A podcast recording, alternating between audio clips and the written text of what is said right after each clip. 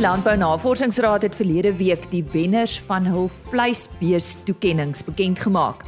Dis die 44ste keer wat die geleentheid aangebied word en uh, ons gesels onder meer vanoggend met Dr Ben Gryiling van die Landbou Navorsingsraad. Ons luister ook hoe twee wenners vertel van hul benadering.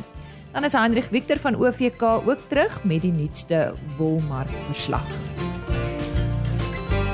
Dis vanoggend op RC Landbou. Goeiemôre. Baie welkom. My naam is Lise Roberts.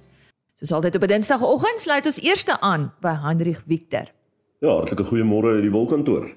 Nou op die 13de wolveiling van die seisoen wat op 23 November plaasgevind het, het die Cape Wools Merino aanwyser met 1.2% vir nie RWS wol en met 0.4% vir RWS wol gestyg teenoor die vorige veiling en teen 'n skoonprys van R161.43 per kilogram en R165.08 per kilogram onderskeidelik gesluit. Nou ten spyte van die rand wat uh redelik sterker verhandel het teen die vernaamste geldeenhede vergeleke met die vorige veiling, het die mark steeds 'n goeie vertoning gelewer en gesorg vir gesonde mededinging tussen kopers. Die Australiese EMI het ook gestyg en 2% sterker verhandel teenoor die vorige veiling. Nou daar is in totaal 10777 bale aangebied waarvan 94% verkoop is. Nou die aanbieding het weer eens hoofsaaklik bestaan uit goeie lengtes, fyner wolle met 48% vir die merino van die merino aanbieding wat volhoubaar gesertifiseer was. Modiano het op hierdie veiling die grootste hoeveelheid bale gekoop, gevolg deur BKB Pinnacle Fibers, Standard Wool SA en Tianyu SA. En dan die gemiddelde skoonwolpryse vir die seleksie binne die verskillende mikron kategorieë goeie lang kamwol of dan nou MF5 tipes was dan soos volg. En soos gewoonlik weer eens onderskei ons tussen RWS en nie RWS gesertifiseerde wol. Ons begin hierdie keer met 17.5 mikron. Nie RWS R222.96 per kilogram. RWS R240.08 per kilogram met 'n premie daar van 7.7%. 18 mikron nie RWS R206.87 per kilogram RWS R221.85 per kilogram met 'n uh, prysverskil daar of 'n premie dan van 7.24%. Dan 18.5 mikron nie RWS R193.42 per kilogram. RWS R207.40 per kilogram met 'n pryspremie daar van 7.23%.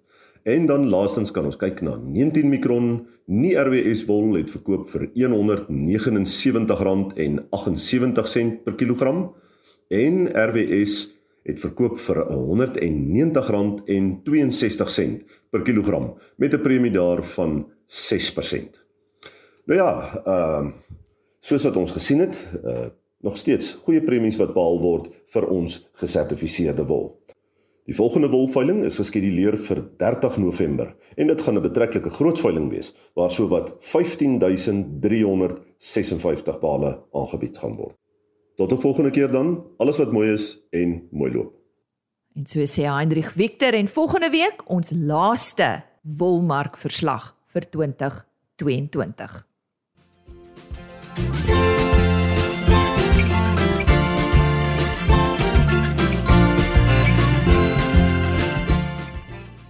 Die Landbou Navorsingsraad het op 23 November wenners van hul vleisbees toekenninge bekend gemaak. Dit is die 44ste keer wat die geleentheid aangebied word en daar was sewe kategorieë waarvoor ons land se beste beesboere kon kwalifiseer. Ek het tydens hierdie geleentheid met Dr Ben Gryiling, hy is navorsingsspanbestuurder van die vleisbeesverbeteringsskema by die Landbou Navorsingsraad gesels. Ek dink dit was baie goeie toekenninge geweest. Dit ons was almal baie opgewonde, baie harde werk agter die skerm. Moet regtig vir die uh, organiseringskomitee baie baie dankie sê. Daar was baie baie belangstelling Veral byvoorbeeld in die kudde van die jaar was al baie finaliste hierdie jaar. So ons sê ook dit is een van die Olimpiese spele kategorie van van hierdie toekenningsgeleentheid. So ja, ek dink dit het baie goed afgeloop. Ehm um, die mense was baie opgewonde. Ons het baie navraag gekry voor die tyd. Die mense het regtig ehm um, vir die wêreld gewys watter hoogtes boere kan bereik deur al hulle hulpbronne onder andere die wetenskap te gebruik. Ben gesels met ons oor die kategorieë. Ja, daar was natuurlik soos julle weet sewe kategorieë gewees. Die een miskien net vinnig uh, iets steins van elkeen sê die spesiale prestasie toetslas wat ook al baie jare kom. Daar was 13 bulle van 13 verskillende rasse wat natuurlik deelgeneem het. Um, en elke uh, bil is natuurlik 'n wenner van van die ras, die hele ras in Suid-Afrika. Dit was ehm um, ja nogal kwai kwai meer geding daar. Ehm um, dan natuurlik die beste elite koei toekennings wat al baie jare uh, loop en, en daar was nie minder nie as 22 rasse wat daar deelgeneem het, nê. En daar kyk hulle regtig na uitnemende prestasie, besonderse prestasie ehm um, van van die koeie voor hulle 'n wenner natuurlik kan kan wees van hulle van die die onderskeie rasse wat deelgeneem het. Uh, derde een miskien vanaand die nasionale platinum toekennings in die Engelse Engelsman sê best of the best. Hier's gewoonlik net 'n paar bulle as ek reg onthou was daar net 7 wat gekwalifiseer het van die beoordelingskriteria is ongelooflik streng. Die bil moet besonderse prestasiesyfers hê en sy ma moes 'n elite kel gewees het. Dis dis amper soos 'n Olimpiese atleet, jou ma moes ook 'n goue medalje gewen het voor jy hom kan wen. En dan miskien die opkomende vleisbees boer van die jaar toekenning. Dit is die 20ste bestaanjaar van hierdie kategorie en daar gee hulle regtig erkenning vir opkomende boere. Die hoogtes wat hulle bereik deur hulle hulpbronne te gebruik, onder andere die wetenskap en hulle hulle regtig in te faseer kan ek amper sê om prestasie toetsing te begin doen want ons weet uh, daai ou gesegde om te meet is om te weet. So hulle moet dit doen en hulle ons ons ek moet sê hulle hulle hulle mag geweldig opgang hoor in Suid-Afrika deur dit te doen. En hierdie opkomende vleisbeesboer van die jaar was tweede jaar in ry 'n dame gewees natuurlik. Ehm um, uit die ses finaliste reg oor die land, Selina Slabedi van Bakwa Slabedi in in in farming.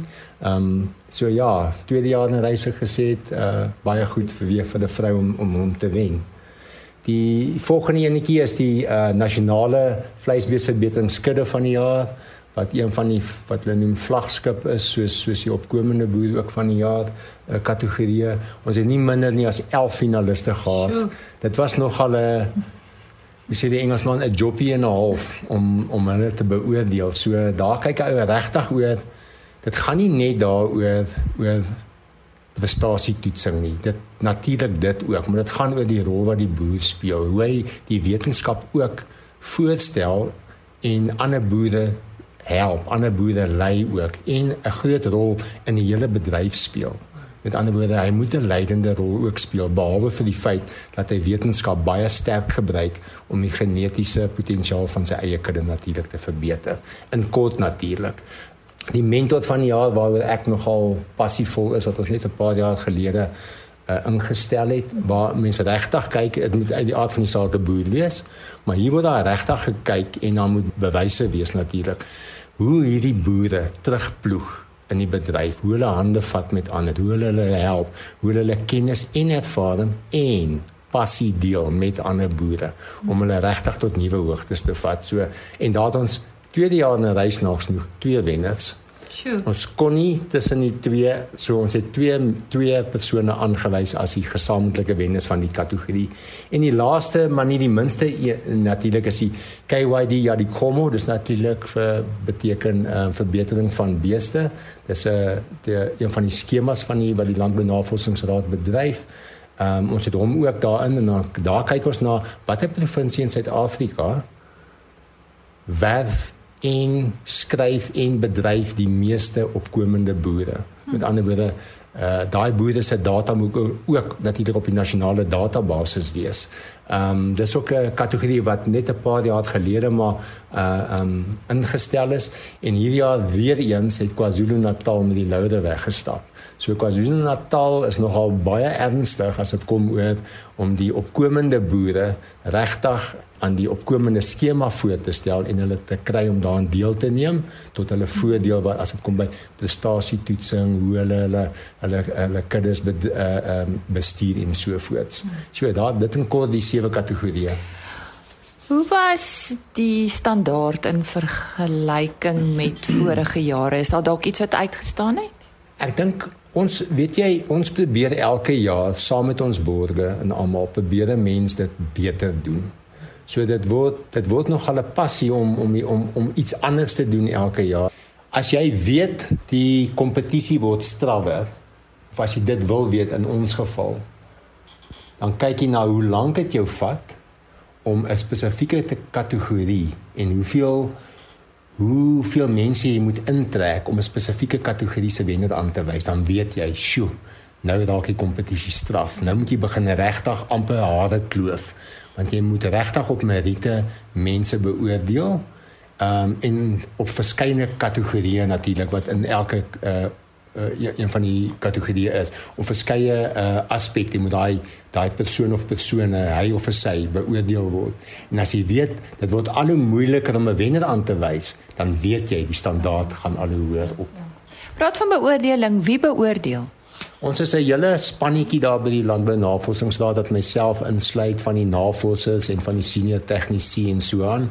Ehm um, wat na die goed kyk so Ja, ons mes probeer dit so sistematies en wetenskaplik ook natuurlik. Ons sien dat ons nou wetenskaplikes is, is om te wees. Probeer hy dit reg doen en ehm um, almal oor dieselfde kam skeer as ek so sê. So ons is 'n hele paneeltjie wat daarna kyk en die goed beoordeel en dan Partyke kan 'n ou nogal nie koppe stamp nie, maar hy kan nogal 'n rukkie vat, veral as die standaarde baie hoog is soos ek genoem het, om om want ons moet eenparig wees. Jy moet sê, okay, die of daai persoon eenparig besluit ons is die wenner van 'n spesifieke kategorie. Dr Ben Greiling van die Landbou Navorsingsraad. Ben het verwys na die mentor van die jaar toekenning wat vanjaar aan twee kandidate gegee is. Eerstens Mpo Munye van die Magaliesburg omgewing en ook Gert Brits van Delareyville. Kom ons luister na Gert en hoor wat hy te sê het oor sy benadering. Uh ons boer met Santa Gertrudis beeste in die Delaray distrik aan die weste kant van Delaray. Ek hanteer op die stadium 3 stoeterye. Dit is die eerste een is Santa Rus van hom Johan en Heinrich Haferman en dan my eie een die Gerbrie stoet en dan ook uh die Sandbot stoet van van Koos Harding in Parys die diere van hom wat hier loop. Wat ons maar doen is is die al drie stoeterye se goed loop saam in drie verskillende groepe. Eh maar elke ou se goed eh, of die al drie stoeterye het in elke groep 'n getal beeste waarmee ons werk. Uh so dit is nie 'n geval van die een sinne loop in 'n een kamp en daai een sin loop in 'n ander kamp en daai een loop in 'n ander kamp nie. Die goed loop by mekaar. Die ons probeer so ek probeer so ver as moontlik soort tipe by mekaar kry uh vir seker se bulle wat ons gebruik uh op die groepe en dit is maar waarom dit gaan en hoekom dit in in in in soveel groepe opgedeel is. Ons hanteer die stoeterye as basies uh kommersieel want op die einde van die dag moet is dit die kommersiële boer wat vir ons saak maak. Ons diere word uh, verkoop aan kommersiële diere. Hulle is ons bilkopers. Dit is wat ons graag wil hê. Die enkele dier wat uitgaan na 'n stoetery toe is ons baie bly oor. Maar eintlik wil ons die kommersiële mark voed uh met bulle en dis hoekom ons die die ons stoet of die drie stoeterye hanteer as kommersieel in die veld. Daar's niks lekkernye nie. Hulle moet gras vreet winter en somer.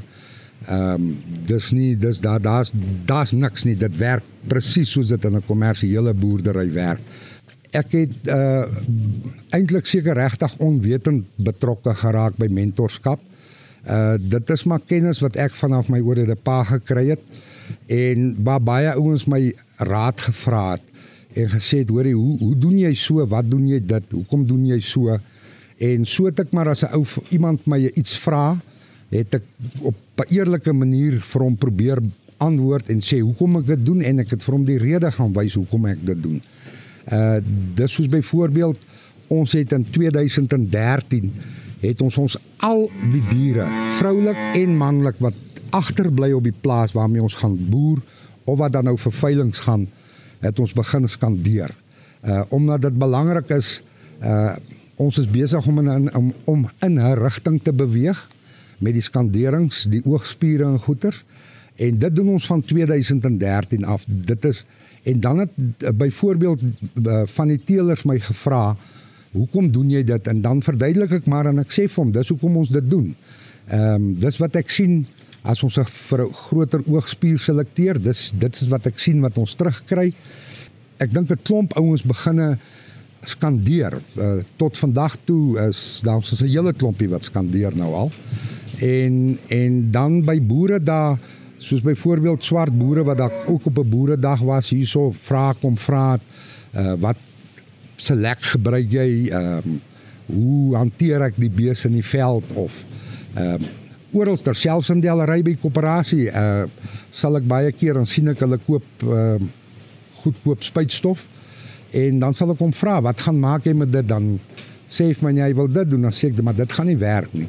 Koop hierdie dis bietjie duurder maar dit is wat werk en uh soos uh tyd terug het hulle 'n klompie studente gebring vanaf Mafeking uh, uh om te kom kyk wat hier aangaan. En ons het hulle toe die dag hier gewys met die skandeerdery. Hoe skandeer jy? En hulle het self die dag sommer hier gewerk en te kere gegaan. En ou kon sien daar is belangstelling. En ehm um, ek is maar net uh, as iemand my bel probeer ek om die regte raad gee. Ek wil nie die ou van die wal van die sloot af of van die wal binne in die sloot in help nie.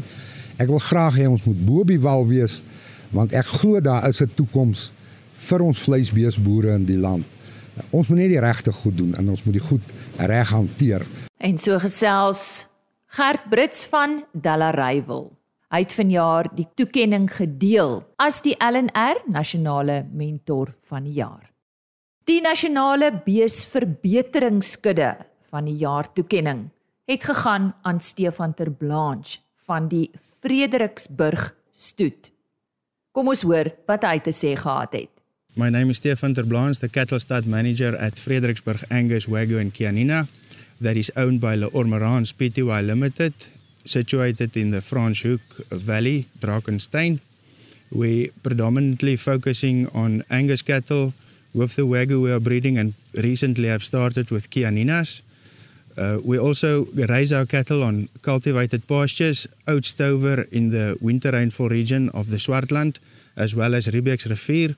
And here in Franschhoek, we're predominantly focusing on the stud breeding.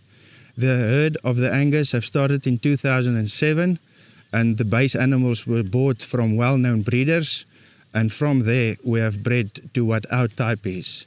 We're mainly focusing on animals that's well adapted, medium framed, together with a good growth and adaptability with certain areas within the country. Our animals have gone extensively throughout South Africa as far as Uppington. Predominantly we are focusing for the Angus breed to breed well balanced, fertile bulls with good growth and milk for the commercial market. And recently, we had a good sale at the Western and Southern Cape auction, in which we participate each year. We predominantly sell our bulls out of hand off the farm. So the breeders have the opportunity to come to the farm and select the bulls that they desire. Within that, we're also focusing on helping fellow commercial breeders in order to obtain the best possible bull that's required for their enterprise. We'll therefore assist within the selection process. We will advise within the certain growth parameters and breeding objectives, and as well what type of animal that they necessarily would want to breed within their particular environment or location with regard to grazing availability, climate, and also topography that is having an impact on the walking ability or the overall ability of the animals to thrive. Management practices that we'll try to incorporate within the Angus herd, that is predominantly the stud breeding happening in Franschhoek of the Western Cape, is working on cultivated pastures where we will have certain consultants consulting in various grass species that's suitable and adaptable for the region with the limited amount of irrigation that is available. So the type of grazing practices that we try to incorporate within the breeding of the animals is therefore a rotational grazing where we will also apply strip grazing in order to have the best possible utilization of natural resources. Together with that, try to enhance the carbon in the soil and also try to reduce our carbon footprint and also to minimize the effect of undesirable gra- grasses and weeds in the pasture species. With regard to breeding of the animals in the management practices that we apply is with the availability of green feed or pastures all year round, we try to breed our animals at 15 months of age, together breeding at 2 years of age and therefore enhancing the reproductivity of the animals. So the reason for the synchronization of the animals is therefore to shorten the breeding season and thus ease the management of these calving season that will take place. We also then breed with the natural resources available. So we will breed in favorable conditions to therefore calve in June, July of each year. With our winter rainfall region that we are currently situated in, is that with the calving of June, July, the animals or the calves will be two, three months of age when the best utilization of pastures will take place and the abundance of food will be available. Together with that is that with the Angus breed, we try to sell our two year old bulls, and we have seen that the June July breeding season is fitting in with the rest of the area's production in terms of breeding animals within the surrounding areas. Furthermore, the owners of the animals is really um, appreciative of training and mentoring other uh, students as well as uh, breeders.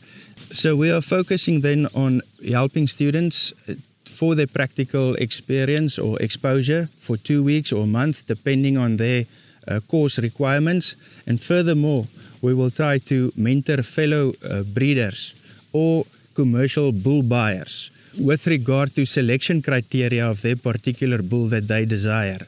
Therefore, we have some beef um, software management programs that we run on the computer, and within that, we can also, for fellow stud breeders, mate the bull according to their heifers and see if there's any inbreeding percentages or not. So we can assist in bull selection of buyers.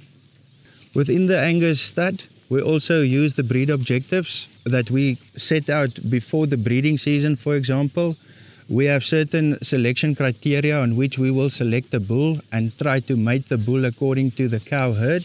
Performance data for us at Fredericksburg is a major important uh, tool that we can use in order to select animals and breed accordingly.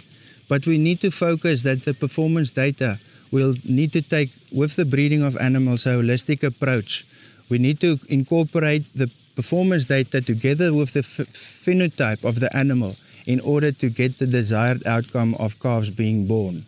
Therefore, I will say performance data is of vital importance for us to use as a tool, but again, need to focus it as a holistic approach in terms of animal breeding.